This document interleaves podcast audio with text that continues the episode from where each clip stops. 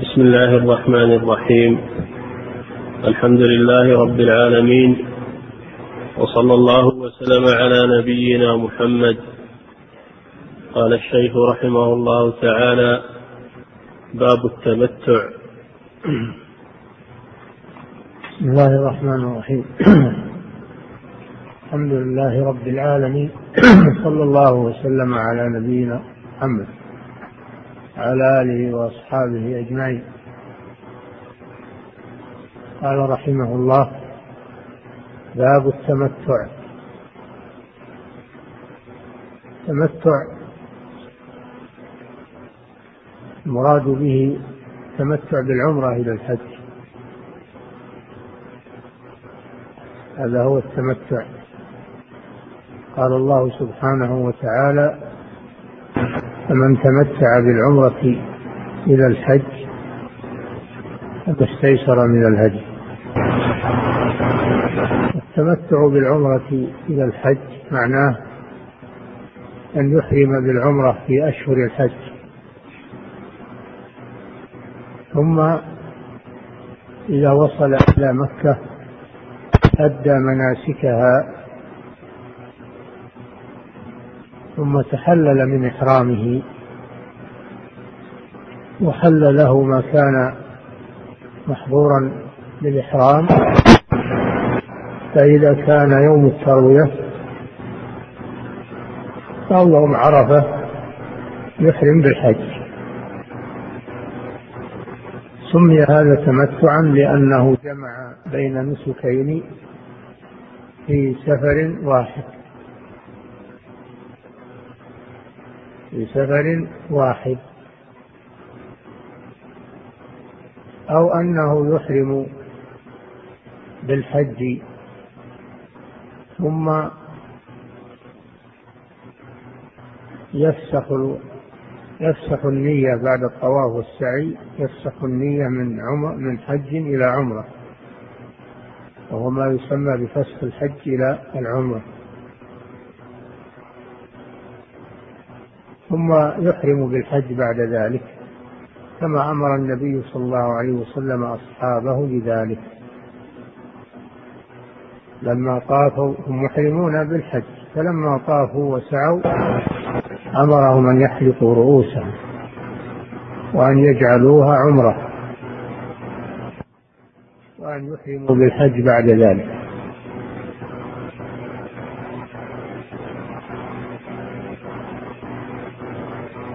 هذا هو تمتع بالعمرة إلى الحج وهو أفضل الأنساب لأن النبي صلى الله عليه وسلم أمر به أصحابه وتمنى أن يكون مثلهم لولا أنه ساق الهدي الذي يمنعه من الإحلال.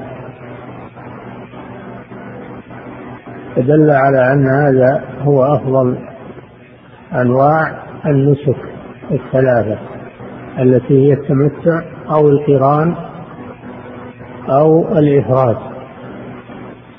فعرفنا معنى التمتع. وأما القران فمعناه أن يحرم بالعمرة والحج معا من الميقات. مقترنين أو يحرم بالعمرة أو يحرم أو يحرم بالعمرة ثم يدخل عليها الحج قبل الشروع في طوافها فيتحول من متمتع إلى قارن. يحرم بالعمرة من الميقات ثم يدخل عليها الحج قبل الشروع في طوافها. فيكون بذلك قارنا. يجمع بين نسكين في سفر واحد وأيضا تدخل العمرة في الحج ويكفيهما طواف واحد وسعي واحد. فأعمال أعمال القرآن أقل أعمالا من التمتع. وسمي يسمى القرآن تمتعا لأنه جمع بين نسكين في في سفر واحد. ولكن فرقه عن المتمتع أنه لم يحل بين العمرة والحج. وأما هو وأما المتمتع فهو يحل بينهما كما سبق. وعلى الجميع الهدي لأن هذا نوع من التمتع. فيدخل في قوله تعالى من تمتع بالعمرة إلى الحج يدخل. هذا هو القرآن. أما الإفراد فهو أن يحرم بالحج فقط من الميقات ويبقى على إحرامه إلى أن يؤدي المناسك يوم العيد وليس عليه هدي لأنه لم يجمع بين النسكين وإنما جاء بنسك واحد وهو الحج. والله إنما أوجب العمرة على المتمتع وهذا غير متمتع. هذا مفرد. مفرد لل مفرد بالحج نعم. الله عليك عن أبي جمرة نصر بن عمران الضبعي قال سألت ابن عباس عن المتعة فأمرني بها وسألته عن الهدي فقال فيها جزور أو بقرة أو شاة أو شرك في دم. قال وكأن ناسا كرهوها. فنمت فرأيت في المنام وكأن إنسانا ينادي حج مبرور ومتعة متقبلة. فأتيت ابن عباس رضي الله عنهما فحدثته فقال الله أكبر سنة أبي القاسم صلى الله عليه وسلم. نعم هذا الحديث فيه أن أن هذا الراوي ابن أبي جمرة سأل ابن عباس رضي الله عنهما عن المتعة. ما سبب سؤاله؟ لأنه حصل فيها حصل فيها اختلاف بعد وفاة الرسول صلى الله عليه وسلم. وبعض الناس كرهها. كره أن يجمع بين عمرة وحج في سفر واحد لأنه يريد أن يكون الحج في سفر والعمرة في سفر حتى لا تنقطع الزيارة للبيت لا يبقى البيت مهجورا. فإذا فتح للناس باب التمتع فإن هذا يقلل من التردد على البيت خلال السنة. هذا وجه كراهية من كره التمتع ومنهم عمر بن الخطاب رضي الله عنه وأبو بكر الصديق وابن الزبير كانوا ينهون عن التمتع. لهذا الغرض كما قلت لكم لهذا الغرض لئلا ينقطع أو أو يقل لئلا يقل الوافد على البيت. هذه وجهة نظرهم. ولكن سنة رسول الله صلى الله عليه وسلم هي التي يجب الأخذ بها. وأما من خالفها فلا يعتبر قوله كائنا من كان حتى ولو كان أبا بكر أو عمر أو ابن الزبير أو غيره. العبرة بسنة رسول الله صلى الله عليه وسلم. فلهذا كان ابن عباس رضي الله عنهما يقول يوشك أن تنزل عليكم حجارة من السماء. أقول قال رسول الله. تقولون قال أبو بكر وعمر. هذا من باب الإنكار على من خالف سنة رسول الله صلى الله عليه وسلم. ولو كان أفضل الناس أفضل الأمة بلا شك أبو بكر وعمر. ومع هذا قال ابن عباس رضي الله عنهما هذه المقالة ما يدل على أن العبرة بسنة رسول الله صلى الله عليه وسلم. وأما أقوال المجتهدين فإذا خالفت خالفت النص فلا عبرة بها. ولهذا يقول الإمام الشافعي رحمه الله أجمع المسلمون على أن من استبانت له سنة رسول الله صلى الله عليه وسلم لم يكن له أن يدعها لقول أحد. أن استبانت له.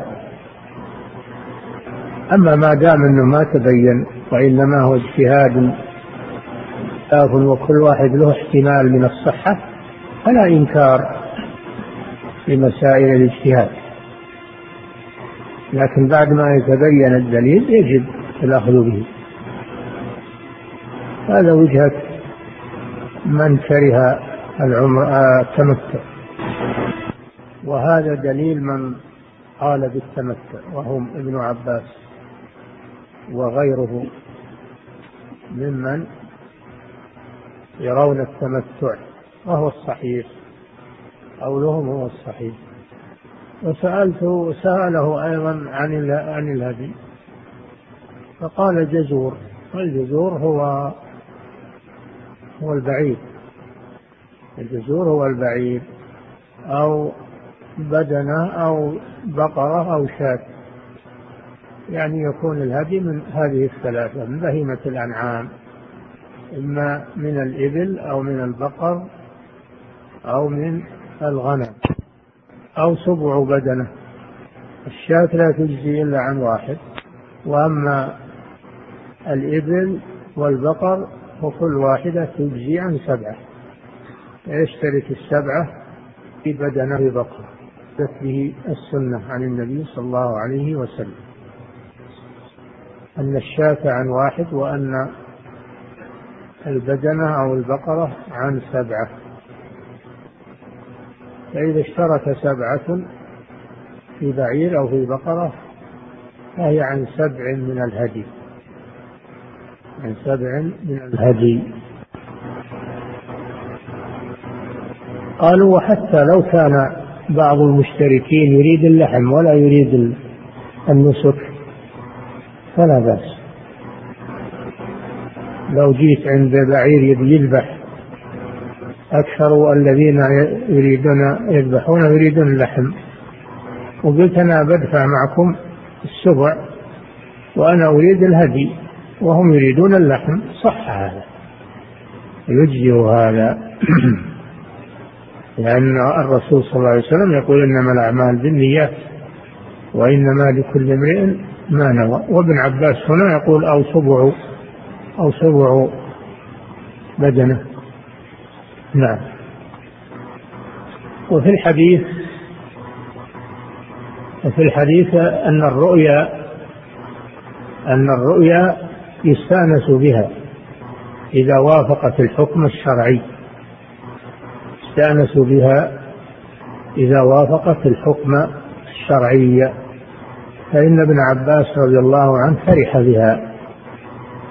لما وافقت فتواه. أما أن الرؤيا يعتمد عليها أو يؤسس عليها حكم شرعي هذا لا يجوز. لأنه بعد وفاة النبي صلى الله عليه وسلم انتهى التشريع. فلو جاك واحد بالرؤيا وقال اذبح أو سم أو صل كذا وكذا فلا تطعه هذا باطل.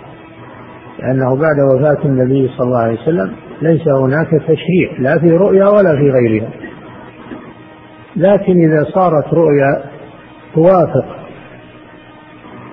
ما صح عن النبي صلى الله عليه وسلم فإنها يستأنس بها ويفرح بها. نعم. عن عبد الله بن عمر رضي الله عنهما قال تمتع رسول الله صلى الله عليه وسلم. أعد حديث. نعم. عن أبي جمرة. نعم. عن أبي باب التمتع. نعم. عن أبي جمرة. عن أبي جمرة نصر بن عمران الضبعي قال سألت ابن عباس عن المتعة فأمرني بها وسألته عن الهدي فقال فيها جزور أو بقرة أو شاة أو شرك في دم. نعم. قال وكأن ناسا كرهوها. كرهوا يعني المتعة. كرهوا المتعة. نعم. فنمت فرأيت في المنام وكأن إنسانا ينادي حج مبرور ومتعة متقبلة. يعني أبو جمرة لما تمتع لما أفتاه ابن عباس وتمتع رأى هذه الرؤيا التي تقر ما فعله. وأن قائل يقول حج مبرور أو متعة متقبلة. بعدما فعل هذا استأنس بها على أن عمله صحيح وصواب ولا شك أنه الصواب ما وافق السنة فهو الصواب. نعم. حتى لو ما حتى لو ما رأى رؤيا دام أنه هذا يوافق السنة فهو صحيح وصواب. حق. نعم. قال فأتيت ابن عباس رضي الله عنهما فحدثته فقال الله أكبر سنة أبي القاسم صلى الله عليه وسلم. وفي الحديث التكبير في الحديث التكبير عند التعجب. أو عندما عندما يرى الإنسان ما يسره فإنه يكبر. يقول الله أكبر. نعم. أحسن الله إليك. عن عبد الله بن عمر رضي الله عنهما قال تمتع رسول الله صلى الله عليه وسلم في حجة في حجة الوداع بالعمرة إلى الحج. وأهدى فساق معه الهدي من ذي الحليفة. وبدأ رسول الله صلى الله عليه وسلم فأهل بالعمرة ثم أهل بالحج. فتمتع الناس مع رسول الله صلى الله عليه وسلم فأهل بالعمرة إلى الحج. فكان من الناس من أهدى فساق الهدي من ذو الحليفة ومنهم من لم يهدي. فلما قدم النبي صلى الله عليه وسلم مكة قال للناس من كان منكم أهدى فإنه لا يحل من شيء حرم منه حتى يقضي حجه. ومن لم يكن منكم أهدى فليطف بالبيت وبالصفا والمروة وليقصر وليحلل ثم ليهل بالحج وليهدي. فمن لم يجد هديا فليصم ثلاثة أيام في الحج وسبعة إذا رجع إلى أهله. فطاف رسول الله صلى الله عليه وسلم حين قدم مكة واستلم الركن أول شيء ثم خب ثلاثة أطواف من السبع ومشى أربعة وركع حين قضى طوافه بالبيت عند المقام ركعتين ثم سلم فانصرف. فأتى الصفا فطاف بين الصفا والمروة سبعة أطواف ثم لم يحل من شيء حرم منه حتى قضى حجه ونحر هديه يوم النحر وأفاض فطاف بالبيت ثم حل من كل شيء حرم منه وفعل ما فعل رسول الله صلى الله عليه وسلم من أهدى وساق الهدي من الناس. نعم. هذا حديث ابن عمر. في صفة حج النبي صلى الله عليه وسلم. تقرأه جملة جملة. نعم. صلى الله إليك. عن عبد الله بن عمر رضي الله عنهما قال تمتع رسول الله صلى الله عليه وسلم في حجة الوداع بالعمرة إلى الحج. نعم. قوله تمتع رسول الله معناه أنه قرن بين الحج والعمرة. والقارن يسمى متمتعا لأنه جمع بين الحج والعمرة يسمى متمتعا.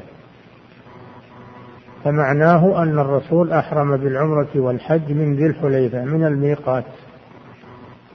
هذا معنى تمتع رسول الله صلى الله عليه وسلم بالعمرة إلى الحج. وليس معناه أنه أحرم بالعمرة أولا ثم فرغ منها ثم أحرم بالحج بعد ذلك. لا الرسول لم يفعل هذا.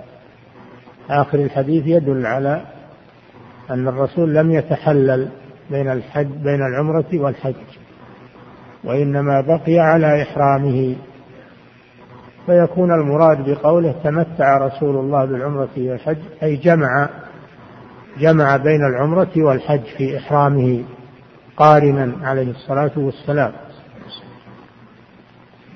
هذا هو الصحيح في نسك رسول الله صلى الله عليه وسلم أنه أحرم قارنا. قال الإمام أحمد رحمه الله آه، لا شك أن النبي صلى الله عليه وسلم أحرم قارنا. نعم. صلى الله عليه وأهدى فساق معه الهدي. نعم هذا حكم آخر وهو أنه أن الأفضل أن يسوق الهدي معه من الميقات. هذا هو الأفضل والأكمل لأن النبي صلى الله عليه وسلم ساقه من الميقات معه واستصحبه معه. ولو لم يسقه من الميقات واشتراه من الطريق أو اشتراه من من الحرم فلا بأس بذلك. لكن الأفضل والأكمل أن يسوقه من الميقات. من حين يحرم. هذا أفضل. بفعل النبي صلى الله عليه وسلم. والهدي هو ما يهدى إلى البيت تقربا إلى الله جل وعلا. ما يهدى إلى البيت من الإبل أو البقر أو الغنم ويذبح هناك تقربا إلى الله ويتصدق بلحمه على الفقراء والمساكين ويؤكل منه يأكل منه صاحبه. نعم. وأهدى فساق معه الهدي من ذي الحليفة. نعم. وبدا رسول الله صلى الله عليه وسلم فأهل بالعمرة ثم أهل بالحج. كما سبق أن معناه أنه أهل بعمرة وحج معا. قارنا عليه الصلاة والسلام. نعم قال الإمام أحمد لا أشك أنه كان قارنا. صلى الله عليه وسلم. وآخر الحديث يدل على هذا لأنه لو كان متمتعا بالعمرة إلى الحج بالمعنى الأول لأحل من العمرة كما كما فعل الصحابة الذين معه دل على أن المراد بالتمتع هنا القران. نعم. فأهل بالعمرة ثم أهل بالحج فتمتع الناس مع رسول الله؟ حملوا حملوا قوله هل بالعمرة ثم بالحج على التلبية. يعني لبى بالعمرة تارة وتارة لبى بالحج. حملوه على التلبية. وليس على عقد الإحرام وإنما المراد به التلبية. تارة يذكر العمرة وتارة يذكر الحج. نعم. في تلبيته. نعم. فتمتع الناس مع رسول الله صلى الله عليه وسلم فأهل بالعمرة إلى الحج. نعم وكذلك الناس أحرموا قارنين أحرموا قارنين مع النبي صلى الله عليه وسلم. فلما وصلوا إلى البيت وطافوا وسعوا أمر النبي صلى الله عليه وسلم الذين ساقوا الهدي أن يبقوا على إحرامهم. وهو كذلك ساق الهدي عليه الصلاة والسلام فبقي على إحرامه. وأما الذين لم يسوقوا هديا أمرهم أن أن يفسخوا الحج إلى العمرة ويجعلوها تمتعا لأنهم لم يسوقوا هديا. نعم. فكان من الناس من أهدى فكان من الناس من أهدى يعني ساق الهدي. كان من الناس من أهدى يعني ساق الهدي معه كما ساقه النبي صلى الله عليه وسلم. نعم. فساق الهدي من ذي الحليفة. نعم. ومنهم من لم يهدي. ومنهم من لم يهدي أصلا. أحرم متمتعا وهو ليس معه هدي. نعم. فلما قدم النبي صلى الله عليه وسلم مكة قال للناس من كان منكم أهدى فإنه لا يحل من شيء حرم منه حتى يقضي حجه. لقوله تعالى ولا تحلقوا رؤوسكم حتى يبلغ الهدي محله. محله يعني وقت ذبحه يوم العيد. نعم.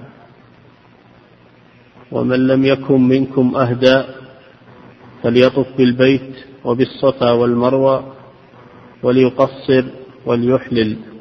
نعم واضح هذا واضح أن الذين ساقوا الهدي من من الميقات يبقون على إحرامهم وفيهم رسول الله صلى الله عليه وسلم.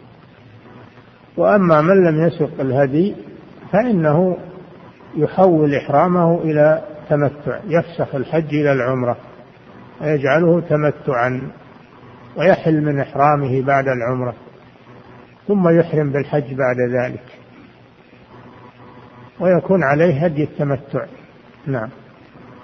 ومن لم يكن منكم أهدى فليطف بالبيت وبالصفا والمروة. وبالصفا والمروة يعني يسعى بين الصفا والمروة. والسعي بين الصفا والمروة يسمى طوافا. كما قال سبحانه وتعالى إن الصفا والمروة من شعائر الله فمن حج البيت أو اعتمر فلا جناح عليه أن يطوف بهما. السعي بين الصفا والمروة يسمى طوافا أيضا. نعم. وليقصر وليحلل ثم ليهل بالحج وليهدي. هذا هو التمتع أن يفصل بين العمرة والحج بتحلل. إذا أكمل مناسك العمرة يحل ويلبس ثيابه ويباح له ما كان من محظورات الإحرام لأنه عاد حلالا كحالته قبل الإحرام. نعم. فمن لم يجد هديا فليصم ثلاثة أيام في الحج وسبعة إذا رجع إلى أهله. نعم هذا المتمتع والقارن. المتمتع والقارن كل منهما يجب عليه الهدي فما استيسر من الهدي. وكما سبق أن الهدي إما بعير وإما بقرة وإما شاة وأن البعير والبقرة يجزيان عن سبعة وأن الشاة تجزي عن واحد فقط. فمن لم يجد فمن لم يجد الهدي فإنه يصوم ثلاثة أيام في الحج وسبعة إذا رجع إلى أهله. تلك عشرة كاملة. والثلاثة التي في الحج الأحسن أن يصومها قبل يوم عرفة. الأحسن أن يصومها قبل يوم عرفة. من حين يحرم بالعمرة. إذا أحرم بالعمرة جاز له أن يصوم الثلاثة إلى يوم عرفة. كله وقت لصيام الثلاثة. كله وقت لصيام الثلاثة. فإن فات ما قبل العرفة ولم يصم يعني ما ما يحسبه معه هدي وبعدين معه معه نقود يذبح. لكن تبين إنه ما معه شيء. أو ضاعت نقوده. عرض له عارض لا يتمكن معه من الفدية. يصوم الثلاثة في أيام التشريق. الحادي عشر والثاني عشر والثالث عشر لأجل أن يؤديها في الحج. وهذه رخصة وإلا أيام التشريق يحرم صيامها. لكن هذه رخصة لمن لم يجد الهدي أن يصومها. نعم. وسبعة إذا رجع إلى أهله إذا رجع إلى أهله هل المراد إذا رجع إلى بلده أو أنه إذا فرغ من مناسك الحج؟ احتمالان. والأمر واسع سواء صامها بعد فراغه من الحج ولو في الطريق وهو راجع أو لا يصومها حتى يصل إلى بلده لا مانع من ذلك. كله يدخل في قوله سبعة إذا رجعت. رجعتم يعني من الحج إما في الطريق وإما عند أهله. ليتكامل له عشرة بدلا من الفدية. وهذا من تيسير الله سبحانه وتعالى على عباده. نعم. فطاف رسول الله صلى الله عليه وسلم فطاف رسول الله صلى الله عليه وسلم حين قدم مكة. واستلم الركن أول شيء. نعم هذا فيه دليل على أن على أن القارن والمفرد إذا قدم إلى مكة يستحب له أن يطوف طواف القدوم. يستحب له أن يطوف طواف القدوم. هذا السنة. طواف القدوم سنة. نعم. واستلم الركن أول شيء. نعم هذا يدل على أنه يبدأ الطواف من الحجر. يبدأ الطواف من الحجر ويستلمه بيده يمسحه بيده ويقبله إن أمكن كما سبق أو يشير إليه. إذا وجد الزحام يشير إليه يحاذيه ويشير إليه ثم يستمر في الطواف إلى أن يكمل سبعة أشواط. نعم من الحجر إلى الحجر. كل شوط من الحجر إلى الحجر. نعم. ثم خب ثلاثة أطواف من السبع. كما سبق هذا الرمل. الرمل وهو أن أن يسرع أن يسرع المشي مع تقارب الخطى. والحكمة في ذلك كما سبق أن النبي صلى الله عليه وسلم أمر به أصحابه في عمرة القضاء لإغاظة المشركين. لإغاظة المشركين يظهر القوة أمام العدو. ثم بقي سنة. ثم بقي هذا استمر سنة لأن الرسول فعله في حجة الوداع. فعله في حجة الوداع. دل على أنه باقي ولم ينتهي بوقت آه، وجود المشركين وأنه مستمر إلى إلى قيام الساعة. نعم. ثم خب ثلاثة أطواف من السبع ومشى أربعة. أي نعم أنه في الأشواط الأربعة الباقية يمشي على هينته إبقاء عليه لأنه لو يخب جميع الأشواط السبعة فهذا ينهكه ويتعبه. فيمشي في الأشواط الأربعة الباقية لأجل يأخذ راحته. ولأنه حصل المقصود وهو إظهار السنة. نعم. وركع حين قضى حين قضى طوافه بالبيت عند المقام ركعتين ثم نعم وهذا يدل على استحباب صلاة ركعتين بعد الطواف. على استحباب ركعتين بعد الطواف. قوله تعالى واتخذوا من مقام إبراهيم مصلى. يعني صلوا عنده صلوا عند مقام إبراهيم. ومقام إبراهيم هو الصخرة التي قام عليها حين بناء الكعبة.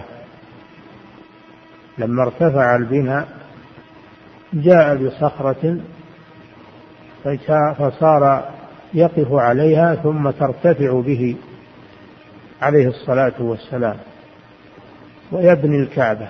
هذه من معجزات الأنبياء عليهم الصلاة والسلام. فجعل الله هذه الصخرة مشعرا من مشاعره يصلى عندها. وكان النبي صلى الله عليه وسلم يأتي إليها بعد الطواف يجعلها بينه وبين الكعبة ويصلي ركعتين. ويقرأ هذه الآية اتخذوا من مقام إبراهيم مصلى. هذا سنة. سنة للطواف. وإذا كان المقام مزدحما ولا يتمكن من الصلاة فيه صلي الركعتين في أي مكان من أرجاء الحرم. في أي مكان في تيسر له في الأروقة أو في الدور الأرضي أو في الدور الثاني أو في الدور الثالث في السطح. كله كله جائز الحمد لله. أو حتى يصليها في بيته أو في في أي مكان من الحرم داخل الأميال. كله حرم والحمد لله. لكن الأفضل إذا تمكن أن يصليها عند المقام. هذا هو الأفضل. نعم. الله ثم سلم فانصرف فأتى الصفا. سلم يعني من الصلاة من صلاة الركعتين. نعم. فانصرف فأتى الصفا فطاف بين الصفا والمروة سبعة أطواف. كما ذكرنا سابقا أن السعي يسمى طوافا. قوله طاف بين الصفا والمروة يعني سعى. وفيه دليل على أن المت... على أن على أن القارن والمفرد لهما أن يقدم سعي الحج بعد طواف الإفاضة لأن النبي صلى الله عليه وسلم قدمه. قدم سعي الحج بعد طواف الإفاضة فله ذلك. إن شاء قدمه بعد طواف آه، بعد طواف القدوم. إن شاء قدمه بعد طواف القدوم وإن شاء أخره بعد طواف الإفاضة. مخير. القارن والمفرد له أن يقدم طواف الإفاضة آه، له أن يقدم السعي له أن يقدم أن يقدم السعي بعد طواف القدوم أو يؤخره بعد طواف الإفاضة. مخير. نعم. الله عليه فأتى الصفا فطاف بين الصفا والمروة سبعة أطواف ثم لم يحل من شيء حرم منه حتى قضى حجه. نعم. في دليل على أنه يشترط في الطواف والسعي سبعة أشواط. كاملة سبعة أشواط كاملة. الأشواط الطواف من الحجر إلى الحجر وأشواط السعي من الصفا إلى المروة. ذهابه سعيه ورجوعه سعيه. أن يسعى ما بين الصفا والمروة. يستكمل ما بين الصفا والمروة. لا يبقى شيء مما بين الصفا والمروة. وأما الصعود على الصفا والمروة فهذا سنة ما هو واجب. إنما الواجب أن يستكمل ما بين الصفا والمروة. وأما الصعود فهو زيادة عمل إن تيسر يصعد وإلا يكفي أنه يقف تحت الصفا وتحت المروة. نعم.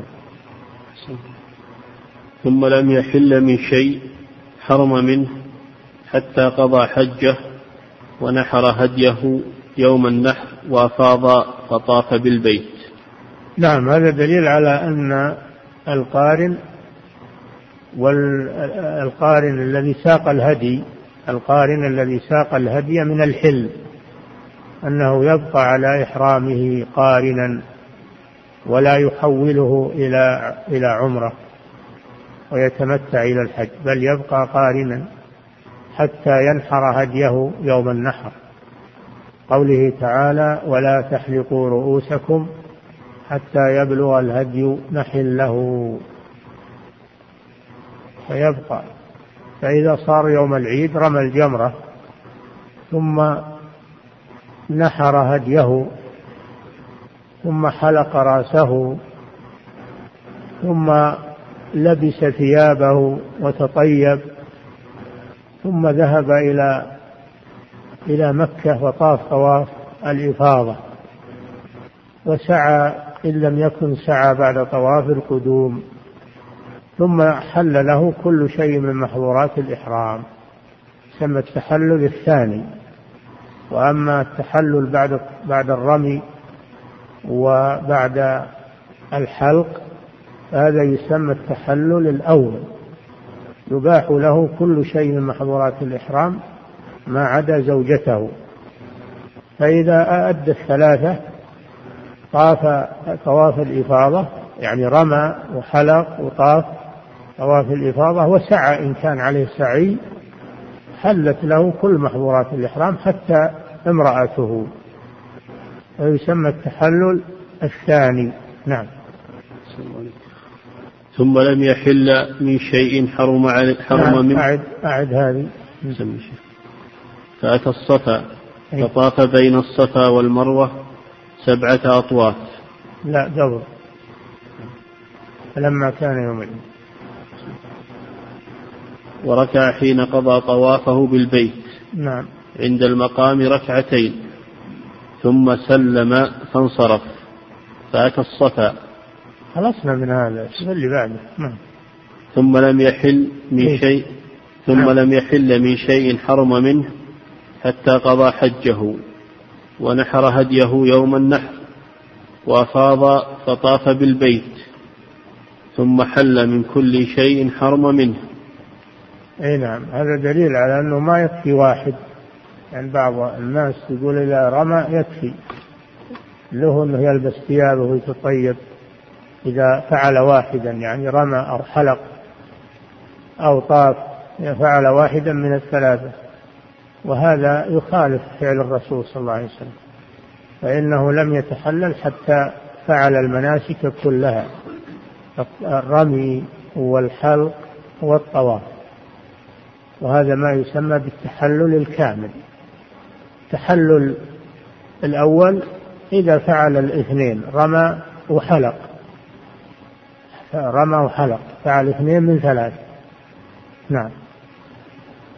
وأفاض فطاف بالبيت ثم حل من كل شيء حرم منه وفعل ما طيب. فعل. آه، حل من كل شيء حرم منه بالإحرام يعني.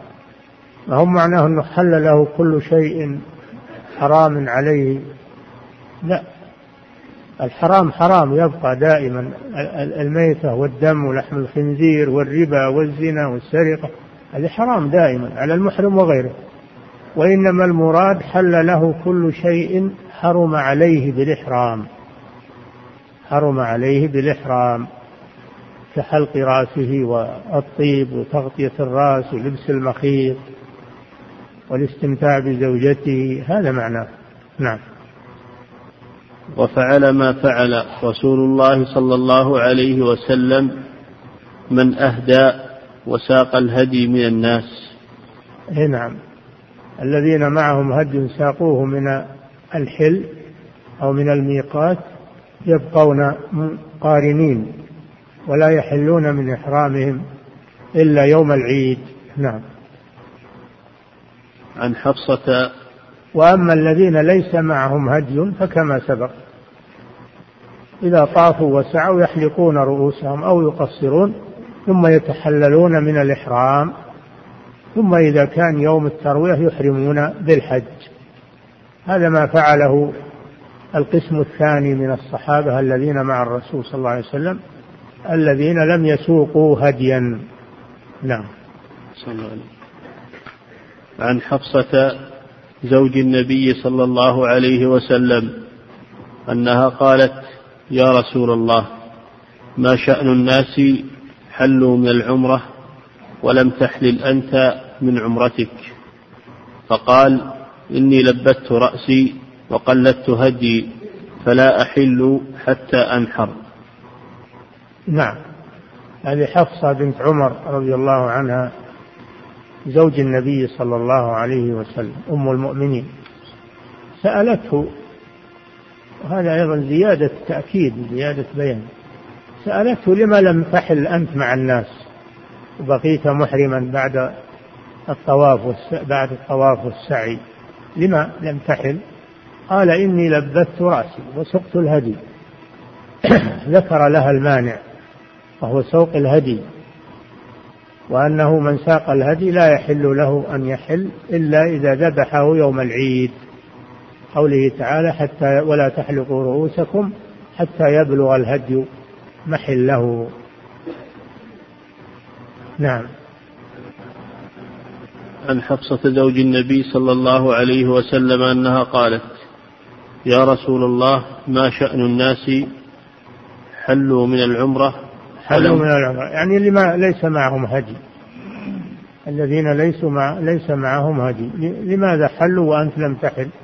بين لها أن الذي منعه هو الهدي هو سوق الهدي. نعم. ولم تحلل أنت من عمرتك. فقال إني لبت رأسي. لبت رأسي. تلبيد الرأس أن يضع عليه شيئا يثبته من الانتفاش والشعث. شيء مادة آه، تثبته كالصمغ ونحوه. نعم. وقلدت هدي. تقليد الهدي أن يجعل على على الإبل قلايد. قلايد علامة على أنه هدي حتى لا يتعرض له في الطريق. نعم. فلا أحل حتى أنحر. أي نعم. شرح لها صلى الله عليه وسلم السبب الذي منعه من تحلل من العمرة وأنه لا يحل من ساق الهدي حتى آه، يذبح الهدي يوم العيد. ويكون قارنا بين الحج والعمرة. نعم. عن عمران بن حسين رضي الله عنه أنه قال أنزلت آية المتعة آية المتعة في كتاب الله. متعة متعة. نعم. ففعلناها. أنزلت. أنزلت آية المتعة نعم. في كتاب الله. ففعلناها مع رسول الله صلى الله عليه وسلم. ولم ينزل قرآن يحرمه. ولم وعن إيش؟ ففعلناها مع رسول الحديث من أول. وعن عن عمران بن حصين نعم. رضي الله عنه. نعم. أنه قال أنزلت آية المتعة نعم. في كتاب الله ففعلناها مع رسول الله صلى الله عليه وسلم ولم ينزل قرآن يحرمه. ولم ينه عنها حتى مات. قال رجل برأيه ما شاء. قال البخاري يقال إنه عمر.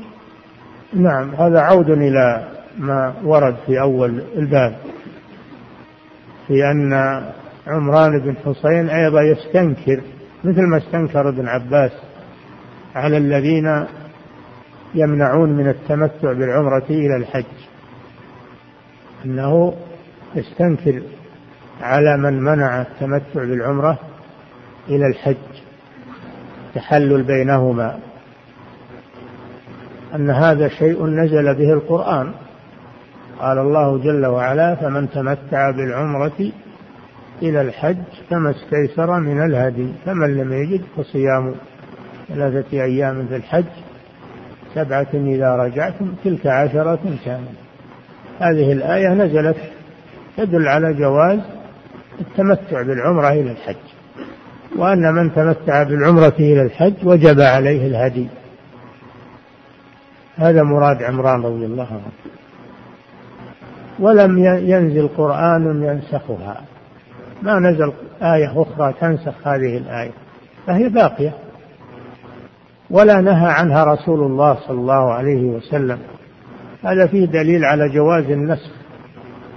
على أنه يجوز النسخ بالقرآن ونسخ القرآن بالقرآن ويجوز نسخ القرآن بالسنة لأنه قال ولم ينهى عنها دل على أنه لو نهى عنها الرسول صلى الله عليه وسلم صار نسخا للقرآن.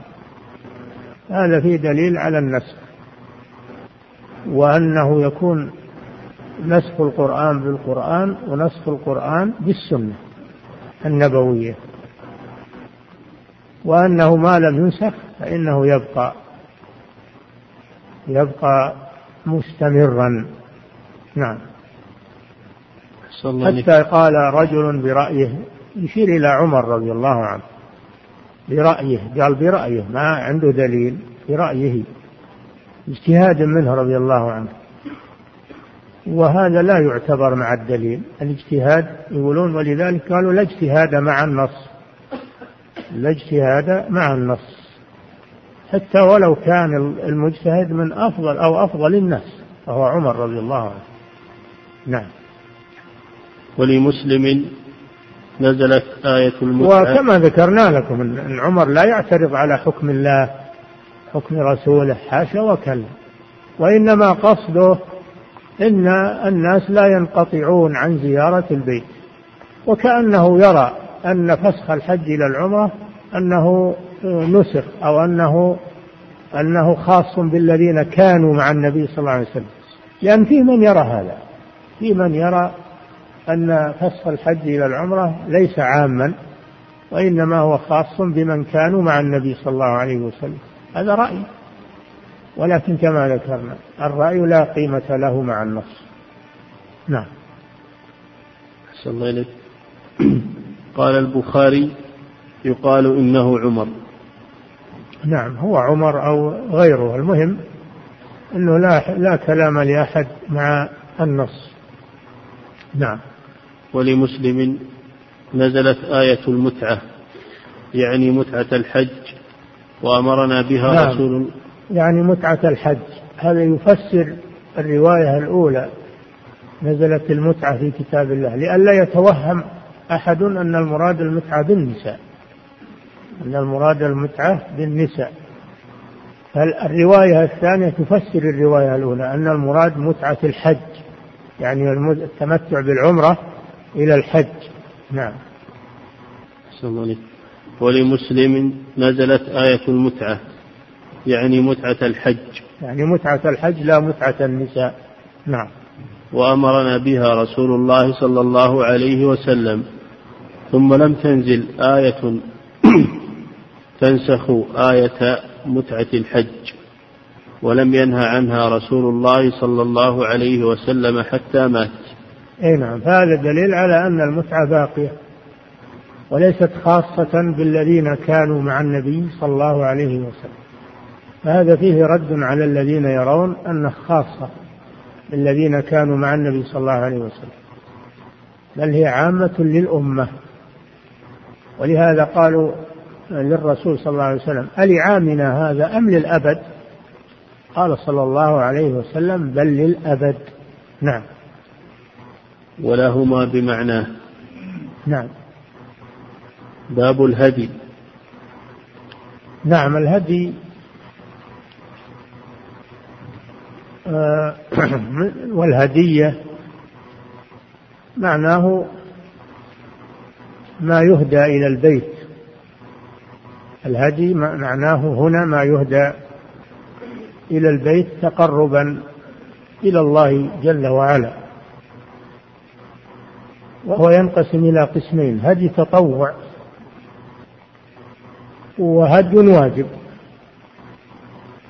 والهدي الواجب ينقسم إلى هدي نسك كهدي التمتع والقران وإلى هدي آه، جبران. هدي جبران وهو ما كان عن ترك واجب أو فعل محظور. نعم. أحسن الله إليك. عن عائشة رضي الله عنها قالت فتلت قلائد هدي النبي صلى الله عليه وسلم ثم أشعرها وقلدها أو قلدتها ثم بعث بها إلى البيت وأقام بالمدينة فما حرم عليه شيء كان له حلا. نعم هذا الحديث يدل على مشروعية الهدي إلى البيت. مشروعية الهدي إلى البيت. وإن لم يكن واجبا فيستحب للإنسان أنه يهدي تقربا إلى الله سبحانه وتعالى. وفيه دليل على أن الهدي يقلد. يعني يجعل في رقابه قلايد حتى يعرف أنه هدي فلا يتعرض له. قال الله جل وعلا يا أيها الذين آمنوا لا تحلوا شعائر الله ولا الشهر الحرام ولا الهدي ولا القلائد ولا القلائد. والقلائد المراد به ما يقلد الهدي. في رقابه من من البقر أو من الغنم أو من الإبل يجعل في رقابه قلايد حتى يعرف أنه هدي فلا يتعرض له حتى يبلغ محله. وأما الإشعار إشعار الهدي فمعناه أنه في الإبل أنه في الإبل يكشط سنام البعير من الجانب الأيمن حتى يسيل الدم ثم يمسح على على صفحة السنام. يبقى أثر الدم عليه حتى يعرف أنه هدي. هذا معنى الإشعار. معنى الإشعار. لا تحلوا شعائر الله. فالهدي يجعل له علامتان. القلايد على رقابه والإشعار وهذا خاص بالإبل. أما الغنم فلا تشعر لأنها ضعيفة إنما هذا خاص بالإبل. يكشط جانب, آه، جانب السنام فإذا سال الدم يمسح على السنام حتى يعرف أنه هدي فلا يتعرض له. ففي الحديث دليل على إشعار الهدي وتقليده. هذه مسألة. المسألة الثانية في الحديث دليل على أن الهدي ليس خاصا بالحاج والمعتمر يجوز للإنسان يهدي ولو كان غير حاج ولا معتمر لأن الرسول صلى الله عليه وسلم أهدى وهو في المدينة لم لم يحرم. فللإنسان أنه يرسل هدي إلى الكعبة ويوكل عليه من يبلغه ويذبحه هناك ويوزعه. تقربا إلى الله سبحانه وتعالى. وفيه أن من أهدى ولم يحرم فإنه لا يكون لا يحرم عليه شيء. لا يحرم عليه شيء. يقول أنا أهديت ما, ما أحلق رأسي. أنا أهديت ما أحلق رأسي حتى يذبح الهدي. لا هذا ما, ما, ما أحرم. له أن يحلق رأسه. ولو كان إنه أرسل الهدي. له يحلق رأسه وله يتمتع بزوجته وله يتطيب. لأنه لم يحرم. وأن إرسال الهدي لا يمنعه من ذلك. إنما الذي يمنع من ذلك الإحرام. ولهذا قالت وبقي حلالا في المدينة. نعم. أعد أحسن الله إليك. عن عائشة رضي الله عنها قالت فتلت قلائد هدي النبي صلى الله عليه وسلم ثم أشعرها وقلدها. ثم أشعرها. عرفنا الإشعار أنه خاص للإبل. نعم. وقلدها. قلدها يعني جعل القلائد في رقابها. نعم. أو قلدتها. أو هي التي قلدتها نيابة عن الرسول صلى الله عليه وسلم. نعم. ثم بعث بها إلى إلى البيت. هذا فيه دليل على جواز التوكيل في تولي الهدي. فيه دليل على جواز التوكيل في تولي الهدي. بالذهاب به إلى البيت ونحره هناك وتوزيع لحمه. الوكيل يقوم مقام الموكل في هذا. نعم. ثم بعث بها إلى البيت وأقام بالمدينة. إي نعم دل على أنه ما يشترط للهدي أن يكون المهدي محرما بل يهدي ولو كان لم لم يحرم. نعم. فما حرم عليه شيء كان له حلا. نعم ما يجوز ما يحرم عليه بعث الهدي ما يحرم عليه شيء مما أحل الله له من الطيب والنساء ولبس المخيط وتغطية الرأس. إنما هذا خاص بالمحرم. نعم. عن عائشة رضي الله عنها قالت وقوله تعالى ولا تحلقوا رؤوسكم حتى يبلغ الهدي محله. هذا خاص بالمحرم. وليس هو بمن بعث الهدي ولم يحرم. نعم. أحسن الله إليك عن عائشة رضي الله عنها قالت أهدى النبي صلى الله عليه وسلم مرة غنما. نعم هذا دليل على أن الهدي يكون من الغنم. يكون من الغنم كما يكون من الإبل ويكون من من البقر. نعم من بهيمة الأنعام. وبهيمة الأنعام هي الإبل والبقر والغنم. فلو أهدى من غير بهيمة الأنعام لم لم لم يشرع هذا. لو أهدى الظبا أو الأرانب أو سمك أو غير ذلك ما ما يشرع هذا. وليس هذا بالهدي؟ الهدي خاص ببهيمة الأنعام. الإبل والبقر والغنم. نعم. عن أبي هريرة رضي الله عنه أن نبي الله لو أهدى مثلا غير هذه ما ما صار هدي لو أهدى الأرانب أو أو الظبا أو الطيور أهدى الطيور أو غير ذلك من اللحوم ما ما يعتبر هذا من الهدي. قد يعتبر صدقة لكن ما يعتبر هدي. نعم. أحسن الله إليك. عن أبي هريرة رضي الله عنه أن نبي الله صلى الله عليه وسلم رأى رجلا يسوق بدنة فقال اركبها.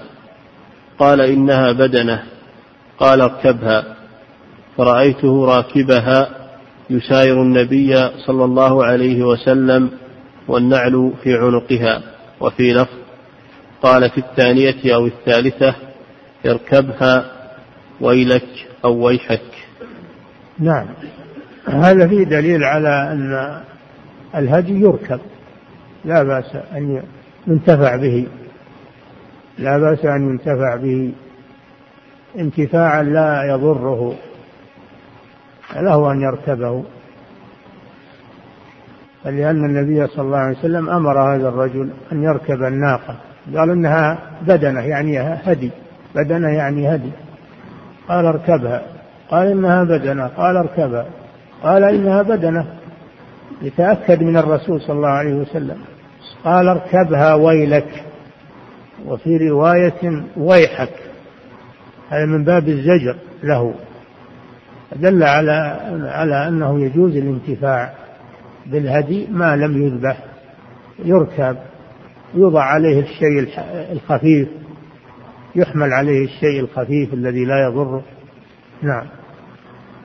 الله عليك عن علي بن أبي طالب رضي الله عنه قال أمرني النبي صلى الله عليه وسلم أن أقوم على بدنه.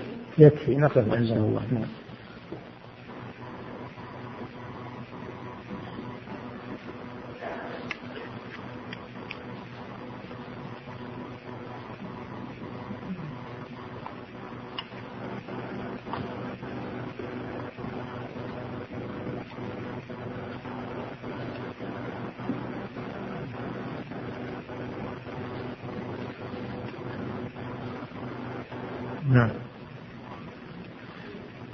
أحسن الله إليك. فضيلة الشيخ يقول السائل من لم يجد الهدي هل يصوم السبعة أيام متفرقة أو متتابعة؟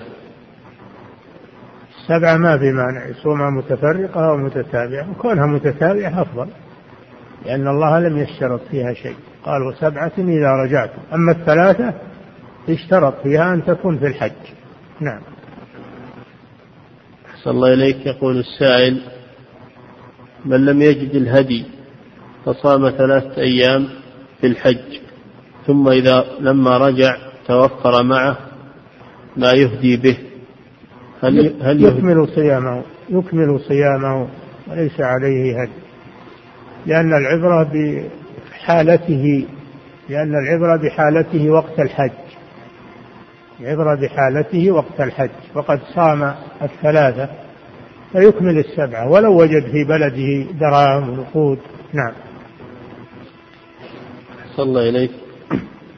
يقول السائل لقد ذهبت إلى العمرة في شهر رمضان وقدمت عن طريق السيد الكبير ولكن جهلت مكان الميقات بالتحديد وبعد أن تعديت الميقات غلب على ظني أنني لازلت في حدود الميقات تنبهت إلى مرور الناس من حولي وقد عقدوا الإحرام.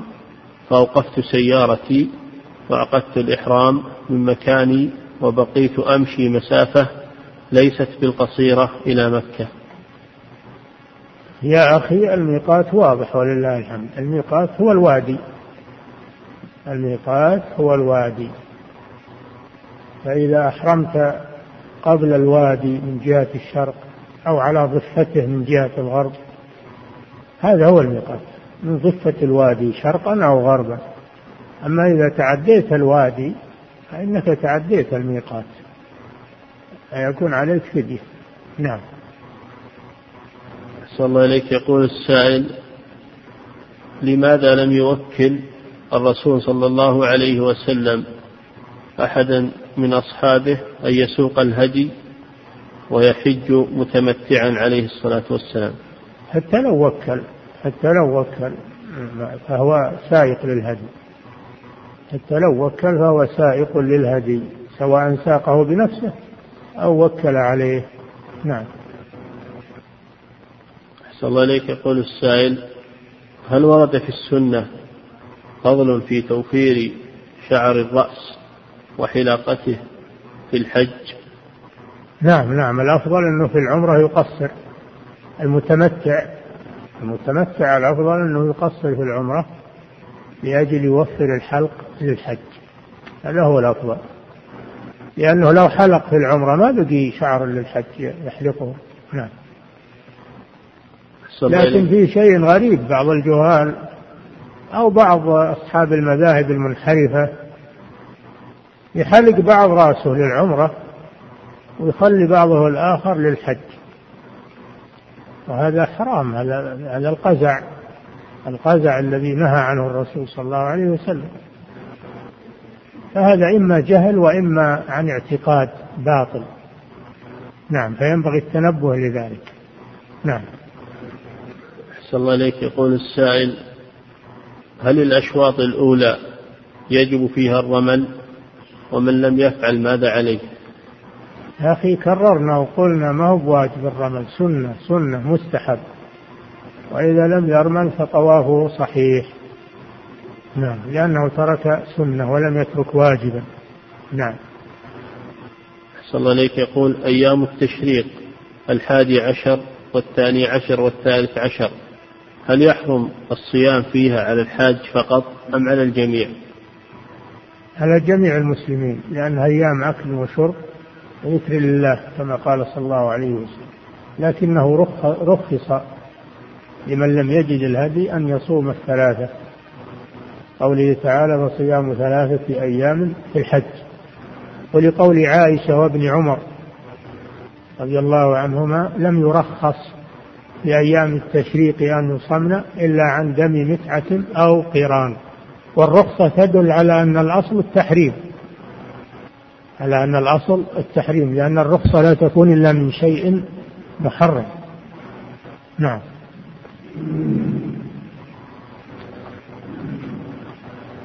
نعم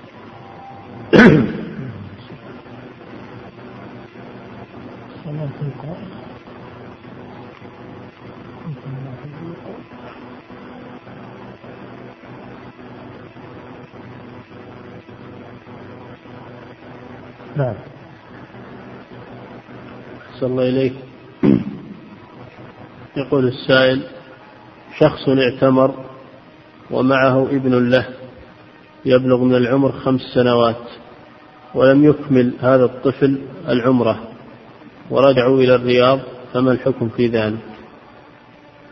إذا كان الطفل سبع سنوات هذا مميز إذا كان نوى العمرة نوى الإحرام بالعمرة يلزمه الإتمام. يلزمه إتمام العمرة فإذا كان ما كمل العمرة يلزم والده أن يجنبه محظورات الإحرام لأنه ما زال محرما ويعود به إلى مكة فيكمل مناسك العمرة لأنه ما زال محرما. نعم حتى يكمل مناسك العمرة ولو جاء إلى الرياض أو إلى غيره. نعم. أحسن الله إليك يقول السائل هل يجوز للمتمتع أن يقدم سعي الحج بعد أن يطوف ويسعى سعي العمرة وبعد أن يتحلل من العمرة يأتي بسعي الحج؟ لا لا يجوز هذا. المتمتع يسعى بعد طواف القدوم المتمتع عليه طوافان وسعيان طواف وسعي للعمرة وطواف وسعي للحج ولا يقدم السعي على الطواف لأن النبي صلى الله عليه وسلم لم يقدم السعي على الطواف. ما عهد أن الرسول صلى الله عليه وسلم قدم السعي على الطواف إلا بعد طواف القدوم كما مر بكم. بعد طواف القدوم لأنه طواف مشروع فيجوز السعي بعده. أما تقديمه في غير هذه الحالة فلا يجوز. وإن أفتى به من أفتى. نعم. أحسن الله إليك. يقول السائل إذا كان عليه الهدي. لو كان السعي جائزا قبل الطواف لأمر النبي صلى الله عليه وسلم به عائشة لما حاضت قال لها افعلي ما يفعل الحاج غير أن لا تطوفي بالبيت حتى تطهري. ولم يروى أنها سعت قبل قبل قبل الطواف. لم يرد هذا. ولو كان هذا جائزا لأمرها أن تسعى قبل الطواف. نعم. أحسن الله إليك. إذا كان عليه الهدي فأين يذبحه؟ وهل نعم. تنتهي؟ إذا إيش؟ يقول إذا كان عليه الهدي أيه؟ فأين يذبحه؟ الهدي يذبحه في في مكة. يذبحه في منى يذبحه في منى أو في مكة. أو في أي مكان من الحرم بشرط أن لا يهدره ويتركه. يذبحه في أي مكان من الحرم بشرط أن لا يهدره ويتركه بل يوزعه على المحتاجين ويأكل منه. نعم. ما هو بشرط إنه يذبحوا في منى؟ لو يذبحوا في مكة في مسالخ مكة أو يذبحوا في في العزيزية أو أو في أو أو ذبحه في في العوالي أو ذبح في أي حارات مكة ما في بأس. لكن ما يذبح خارج الحرم فلا يذبحه في عرفة ولا يذبحه خارج الحرم إنما يذبحه داخل الحرم بشرط أن لا يهدره. نعم. يقول أيضا هل تنتهي مدة الذبح انتهاء شهر ذي الحجة؟ مدة الذبح يا أخي تنتهي ذبح الهدي هدي التمتع والقران تنتهي بنهاية أيام التشريق مثل الأضاحي. تنتهي في غروب الشمس من اليوم الثالث عشر من أيام التشريق. ليس بعدها ذبح. أما هدي الجبران اللي هو فدية عن ترك واجب أو فعل محظور فهذا لا يتحدد في أيام التشريق بل له أن يذبحه في شهر ذي الحجة أو بعد شهر ذي الحجة ما يخالف. اللي هدي جبران هذا يذبحه في أي وقت تيسر له. نعم. لكن بشرط أن يكون في مكة. يوزع على فقراء الحرم ولا يأكل منه شيئا. نعم. أحسن الله إليك. يقول السائل ما حكم من تحلل التحلل الأول بفعل واحد فقط من الثلاثة. أخطأ في هذا ولكن نظرا إلى أن بعض أهل العلم يقول بجواز مثل صاحب المغني وغيره يقول بجواز هذا فنقول أخطأت ولكن لا تعود لمثل هذا. خليك مع الأحوط ومع ومع الأكثر من أهل العلم. لا تأخذ بالشواذ. نعم. أحسن الله إليك. يقول هل صيام سبعة الأيام بعد الرجوع مباشرة أم لا بأس بتأخيرها؟ لا بأس. تصومها في الطريق أو تصومها عند أهلك ولا بأس أن تصومها متتابعة أو متفرقة. لا بأس. نعم.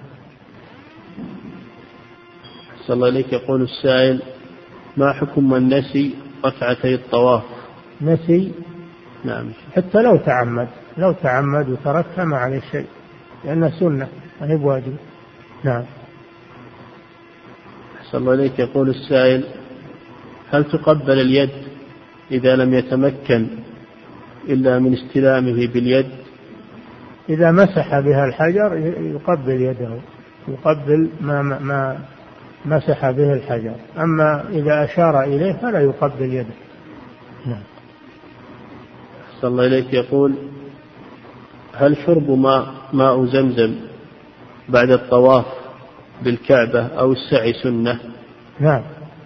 استحب لمن طاف وسعى للعمرة أو طاف وسعى للحج أنه يذهب يشرب من ماء زمزم كما فعل النبي صلى الله عليه وسلم. نعم.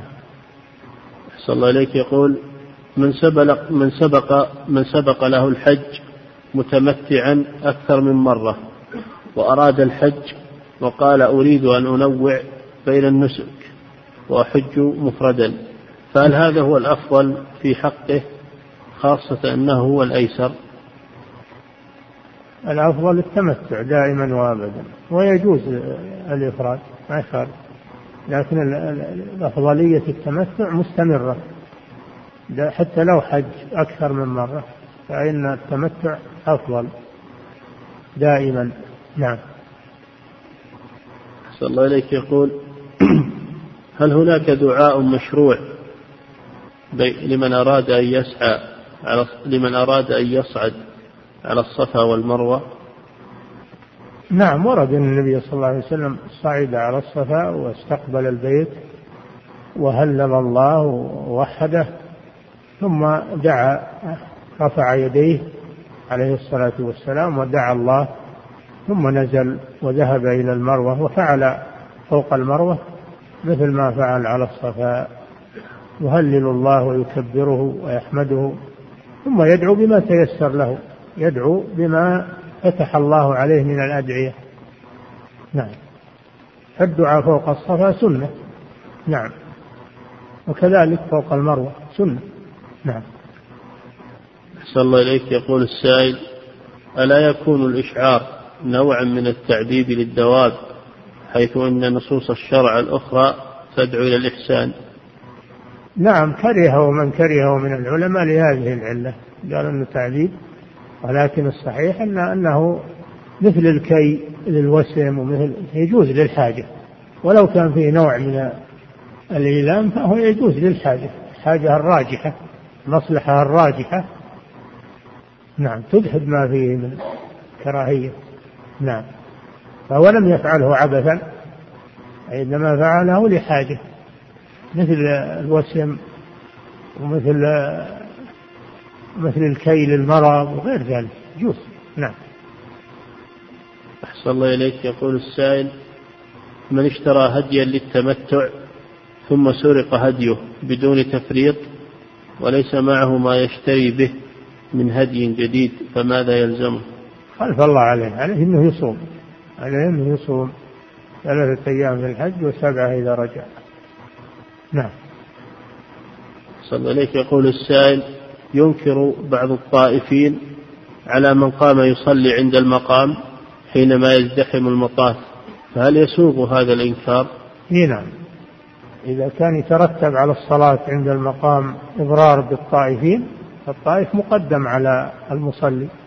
الله جل وعلا قال وطهر بيتي للطائفين والقائمين والركع السجود. فقدم الطائفين.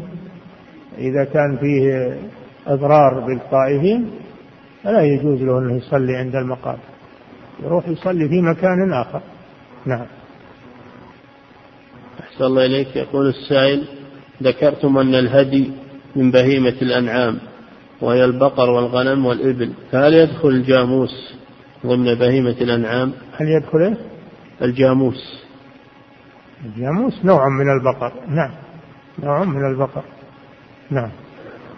أحسن الله إليك. يقول